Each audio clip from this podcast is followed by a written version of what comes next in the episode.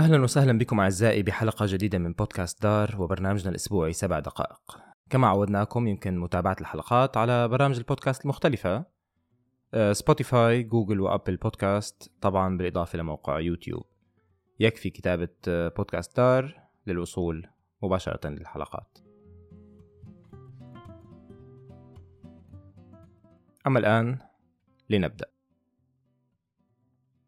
نشرت صحيفة أفتن بوستن خبرا تناولت فيه قضية شبهة فساد حول متحف مونك الأضخم في النرويج في الخبر تبين أن متحف العاصمة يعمل فيه سبع موظفين هم أبناء لإداريين في المتحف نفسه الخبر جاء في أعقاب تقرير نشرته كومونة أوسلو والذي يخص الأهلية أو ما يسمى ال habilitet والذي يتم نشره للبحث بشكل معمق عن أهلية الموظفين العاملين في مؤسسات الدولة. التقرير نشر أسماء لموظفين بشواغر مؤقتة أو بعقود صيفية منهم ابن مدير المتحف نفسه. لتعريف الأهلية فهي أن يكون الشخص غير كفؤ مما قد يؤدي لإضعاف الثقة بين الموظفين. واعتبر التقرير أن أبناء المدراء في المتحف غير مؤهلين للعمل في المتحف نفسه لأن ذلك سيضر برأيهم بإدارة المكان ويخلق أجواء فيها نوع من التحيز.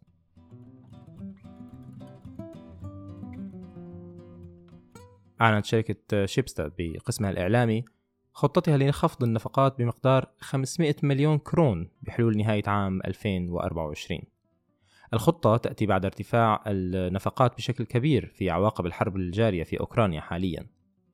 الشركة التي تأسست عام 1839 ومقرها أوسلو هي رأس الهرم للعديد من الصحف النرويجية والسويدية وعلى رأسها أفتن بوستن، فيجي، برغنستيدنا ومن السويد سفنسكا داغ بلادر الشركة بررت ذلك في أن التكاليف تكاليف الطباعة الورقية كلفت في شهر ديسمبر كانون الأول 2022 لوحده ما يساوي تكاليف الطباعة لكامل العام 2021 قرار الشركة يأتي وسط آه، أزمة كبيرة تعيشها وسائل الإعلام في النرويج في أعقاب الحرب الروسية الأوكرانية.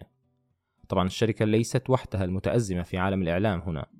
بل آه، كذلك التلفزيون والراديو النرويجي إن أركو الذي كان قد أعلن مسبقا البدء بسياسة الإيقاف المؤقت لبعض الموظفين.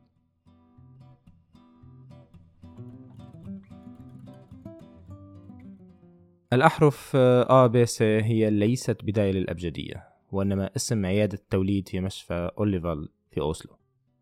طبعا الآن وبعد أن عرفت ما ترمز إليه هذه الأحرف أه نطلب منك نسيانها. لأن مشفى أوسلو قرر إغلاق هذه العيادة. الخبر كان هو الخبر المحلي الأهم في أوسلو في الأسبوع الماضي لا سيما وأن العيادة هي المركز الأهم للولادة الطبيعية في أوسلو منذ ما يزيد عن 25 عام. وتراقب حالة الحمل منذ الأسبوع الثاني والثلاثين لتدفعها باتجاه الولادة الطبيعية.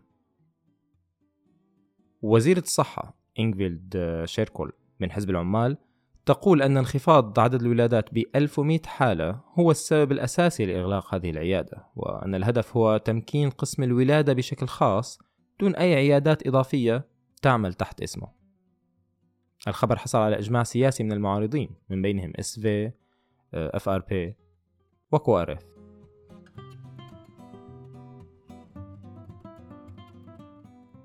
أعلنت الحكومة النرويجية نيتها إرسال ثمانية دبابات من نوع ليوبارد. لتضعها تحت تصرف الجيش الأوكراني. الدبابة المقاتلة كانت محور الحديث بين العديد من الدول التي ناقشت مدى خطورة إرسال دبابات من هذا النوع. السؤال تمحور حول كفاءة الجيش الأوكراني في استخدامه لهذه الدبابات وكذلك عن اتساع رقعة الحرب. كون ليوبارد هي دبابة هجومية تتفوق على كل أنواع الدبابات التي يملكها الجيش الروسي. نائب رئيس مجلس الأمن الروسي والرئيس الروسي السابق ديمتري ميدفيديف هدد أوروبا بالسلاح النووي في حال تبرعها بدبابات ليوبارد لأوكرانيا. علما أن النرويج تعد من أكثر الدول سخاء آه، مع أوكرانيا حيث تتبرع ب 25% من خزينتها من ليوبارد حيث يمتلك الجيش النرويجي 36 دبابة ليوبارد فقط. علما أن الدول أخرى ككندا سترسل أربعة فيما سترسل ألمانيا 14 والولايات المتحدة 31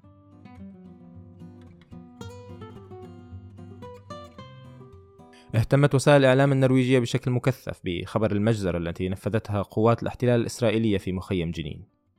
وكان تي في 2 أول من نشر خبر عن المجزرة وتبعته تبعه التلفزيون النرويجي ناركو والصحف النرويجية الكبرى أفتن بوستن وفيجي التي نشرت قصة مطولة تحت عنوان دودنسداغ الذي تناولت فيه ما سمته باليوم الأكثر دموية في آخر عشرين عام في الضفة الغربية.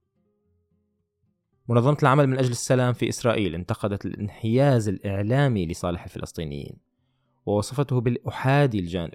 كذلك انتقدت استدعاء آه، رئيس مجلس النرويج من أجل فلسطين لينا الخطيب للحديث عن الأمر دون استدعاء أي ممثل للحديث عن الموقف الإسرائيلي. كان هذا كل شيء لحلقة هذا الأسبوع. كما العادة يمكن متابعة الأخبار بتفاصيلها بتتبع الروابط الموجودة في وصف الحلقة.